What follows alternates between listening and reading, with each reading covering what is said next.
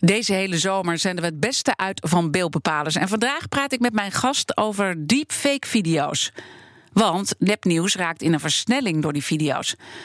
Alleen knappe hoofden in de special effects studio's van Hollywood wisten hier vroeger raad mee. Maar nu zijn zulke nepvideo's ook toegankelijk voor de massa.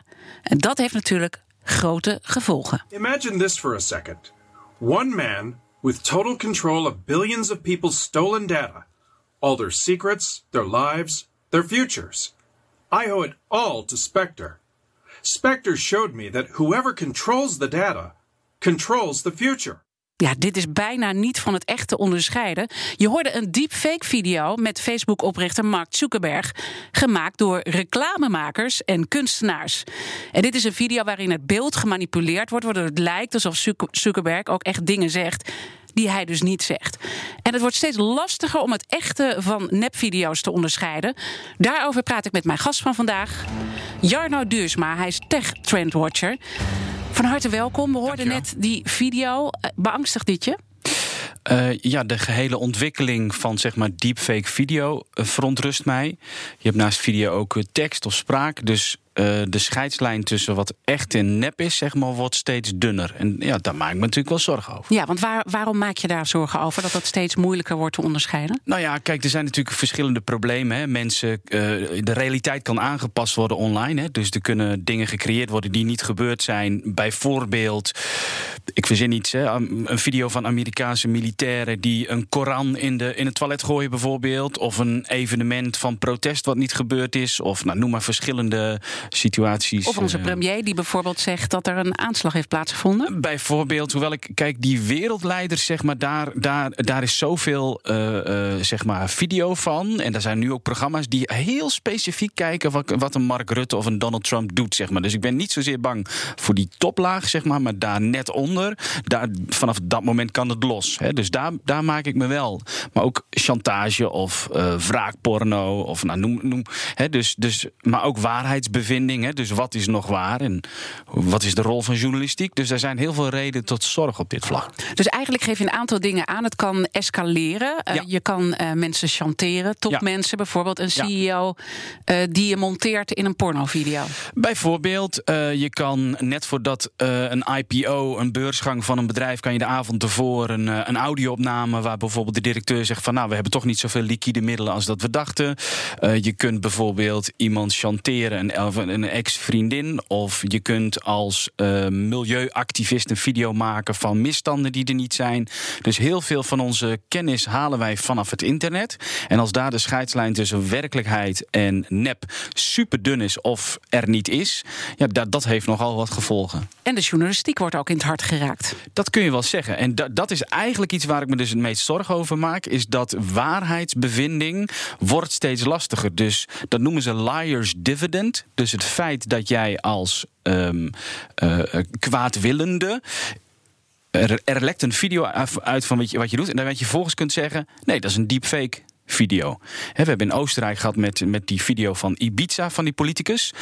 Dat was een lange video, die is lastig na te maken. Maar stel, daar heb je 20 seconden van. Dan kan, dan kan die, eh, over een half jaar kan zo iemand prima zeggen van... oh joh, weet je, dat is deepfake, want we weten immers allemaal wat deepfake is. Ja, dus het kan ook de hele andere kant op gebruikt worden. Door kwaadwillenden die iets verkeerds hebben gedaan. En dan zeggen, joh, dat is allemaal nep. Dus ze kunnen twee dingen doen. Ze kunnen punt 1 zelf een video maken. Dus stel, uh, ik steel iets, daar komt een video van bewijs. Uh, dan genereer ik snel een filmpje waarin dat juist net niet te zien is, zodat er twee video's zijn. En ten tweede kan ik het afdoen, en dat is waarschijnlijk het meest effectief. Van jongens, dat is allemaal deepfake, het is allemaal nep, het is allemaal et cetera, et cetera. Waar komt eigenlijk de term deepfake vandaan? Nou, het is een, een samenvoeging van twee woorden. Deep uh, van, van deep learning. Een, een manier waarop kunstmatig, sommige kunstmatig intelligente systemen worden getraind met verschillende lagen. En uh, fake is, is nep. Dus dat zijn de samenvoeging daarvan. Je hebt ook een iets andere vorm. Daar is de video van Nancy Pelosi. Want die die heeft natuurlijk ook voor veel opschudding uh, gezorgd. Vertel nog even wat er gebeurde. Nou, wat je dus zag, uh, en dat noemen ze niet een deepfake, maar een cheapfake. En uh, dat heet cheapfake omdat het, het is een, een, eigenlijk een handmatige ouderwetse manipulatie van, van video.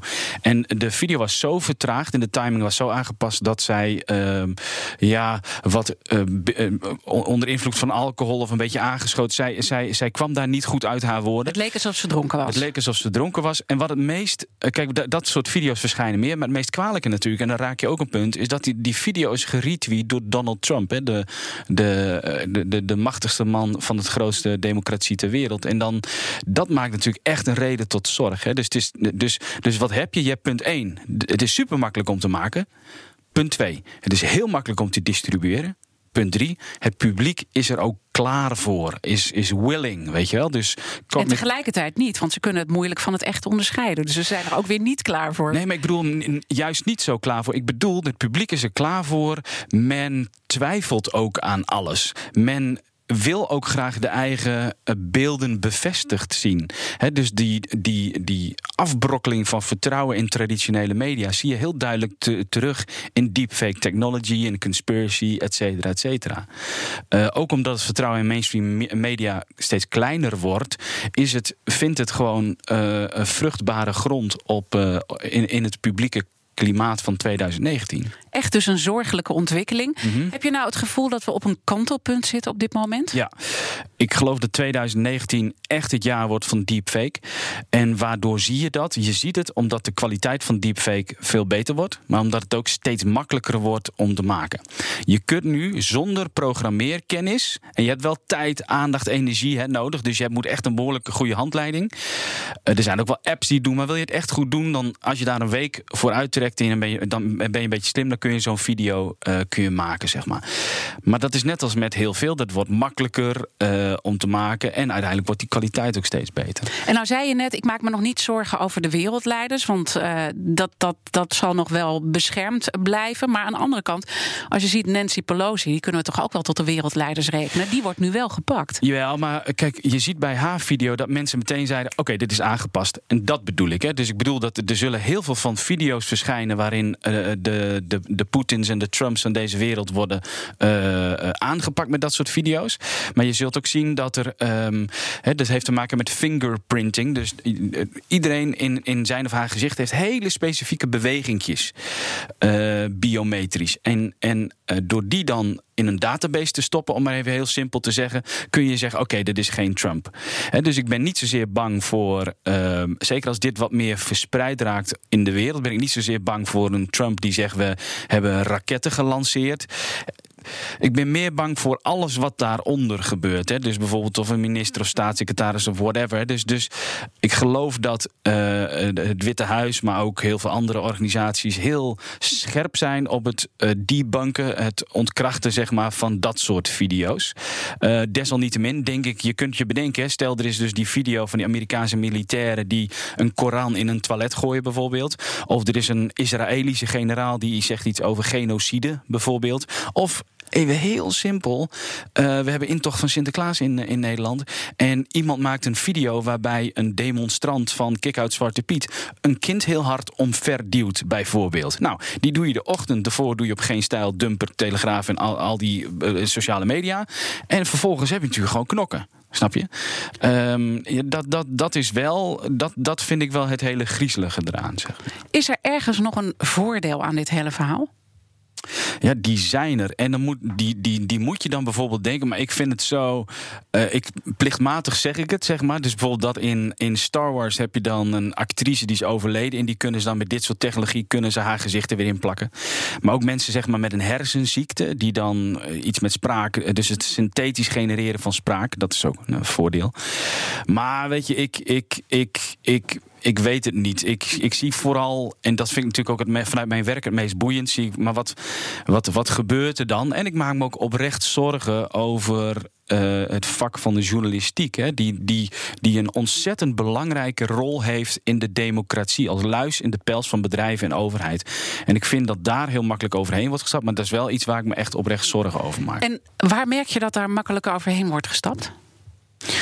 Ehm, nou, je merkt natuurlijk in de publieke opinie merk je heel erg dat ehm, een, um, dus ieders mening is gelijk. Je merkt dat ja, alles wat te maken heeft met traditionele nieuwsbronnen toch wat kritischer wordt uh, bekeken. Dus geen vertrouwen? Uh, geen vertrouwen. Mensen creëren graag hun eigen waarheid. En dat is echt super belangrijk. Dus als je een video maakt, en dat zie je natuurlijk in Amerika, de polarisatie.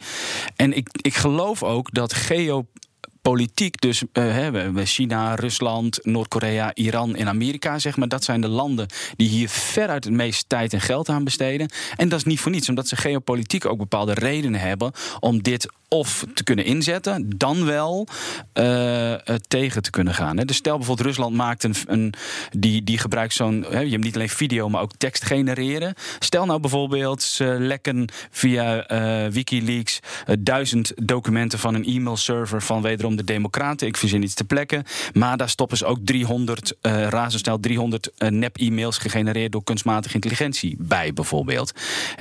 dan wordt het super lastig om dat te ontkrachten en et cetera. Dus dus uh, ik geloof dat het ook op meer uh, zeg maar globaal niveau.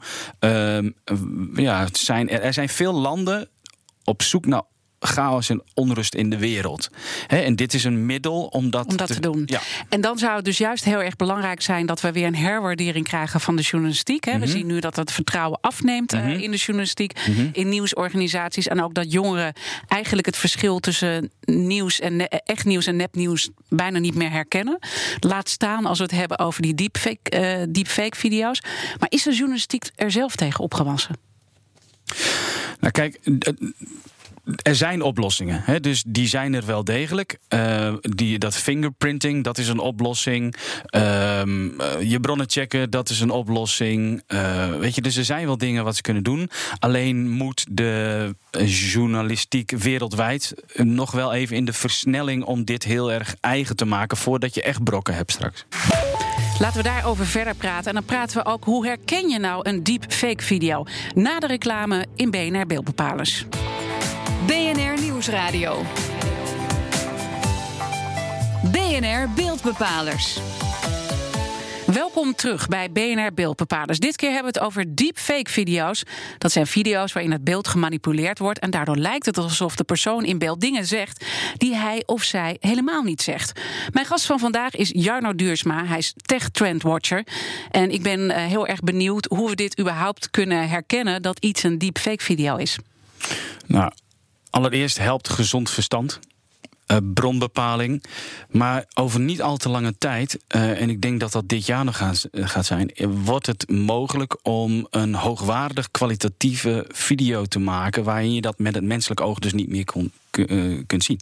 En je zult dus zien dat je uiteindelijk afhankelijk bent zeg maar, van die fingerprinting technology, waarbij kunstmatig intelligente systemen zelf moeten kunnen gaan bepalen um, uh, of iets uh, gemanipuleerd is, ja of nee. Dat is best een complex ding, hè, want bijna iedere video is wel gemanipuleerd. Hè, dus met wat vertraging of een filter. Maar het detecteren van een gezicht en dat die gemanipuleerd, dat, dat gaat software uiteindelijk doen, omdat het met het menselijk oog niet meer waar te nemen is. Maar een heleboel mensen zullen dus moeten leren leven met het feit dat dit dus gewoon aan de hand is. Ja. En die bezitten niet al die uh, technologie om dat te checken. Hoe moeten we hier nou mee omgaan? Waar zie jij de oplossingen? Nou, nog, ik, ik, nog even een stapje terug. Dus ja? uit, ik, ik, uiteindelijk zijn er zijn ook initiatieven waarbij in je internetbrowser, dus daar waar je het internet bezoekt, dat er een plugin komt, een stukje software die kijkt, is dit bewerkt, de ja of de nee. Maar vergeet niet, het zal altijd een kat-en-muisspel zijn. Hè. Het zal altijd, net zoals met spam nu. Uh, er is spam, we weten grotendeels hoe we ermee om moeten gaan. Maar nog steeds zijn er duizenden, tienduizenden, honderdduizend mensen wereldwijd die op een verkeerd linkje klikken, bijvoorbeeld. Dus in die, in die context moet, moet je dat zien. Um, er zijn technische oplossingen. Hè. Je hebt bijvoorbeeld een controlled Capture, waarbij je een speciale app geconnect met blockchain technologie op je telefoon hebt. En dan maak je een filmpje van iets. En dan kan het met 99,99% zekerheid worden gezegd dat je daadwerkelijk die video hebt gemaakt.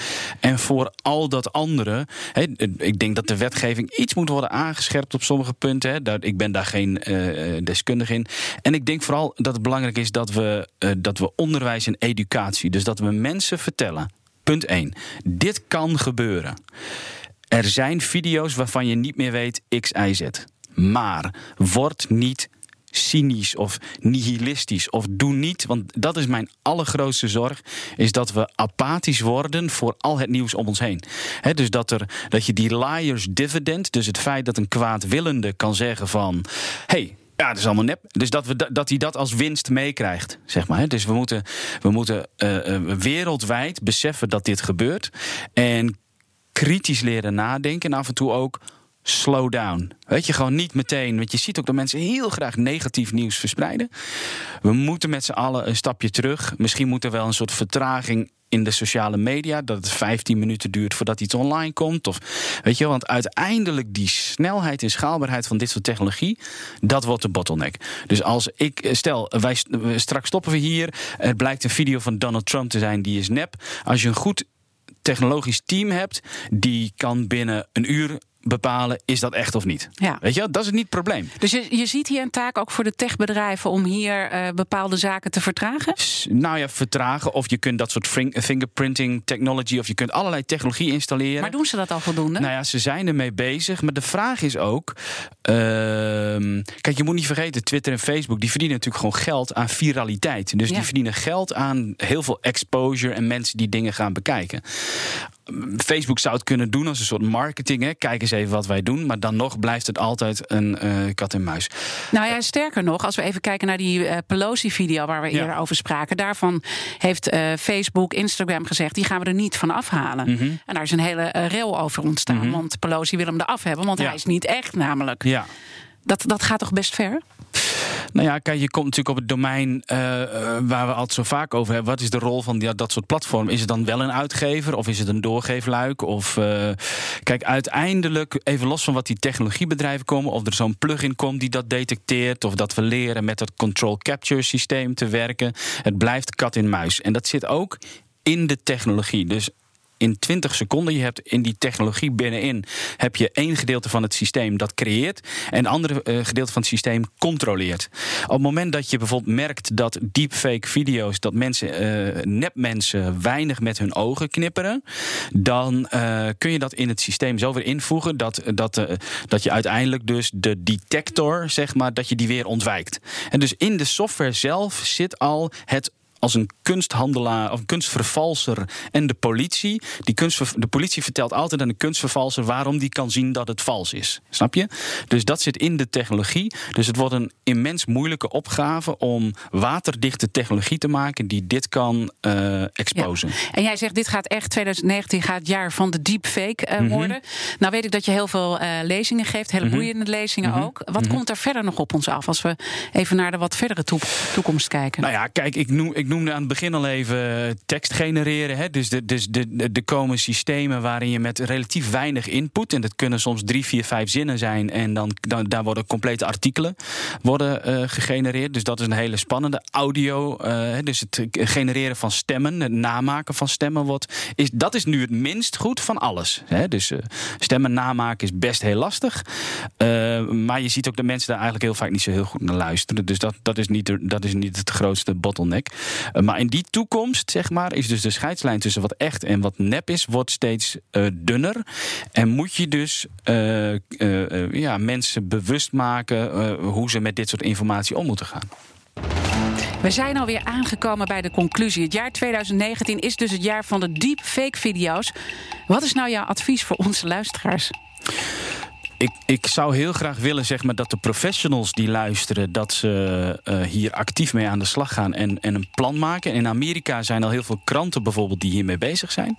Ik wil de mensen oproepen om kritisch te zijn wat je ziet, maar vooral ook, let op, niet te kritisch. Dus niet al het nieuws vervolgens je schouders over, uh, voor optrekken. Dus niet, want apathie is, is by far een van de grootste gevaren die er is. Dat we uiteindelijk heel nonchalant, cynisch worden over alles wat we zien en horen. En dat is voor alles, voor de cohesie, maar ook voor de democratie gewoon echt een, uh, een, een uitdaging. Het is wel een heel moeilijke opdracht hè, die je geeft.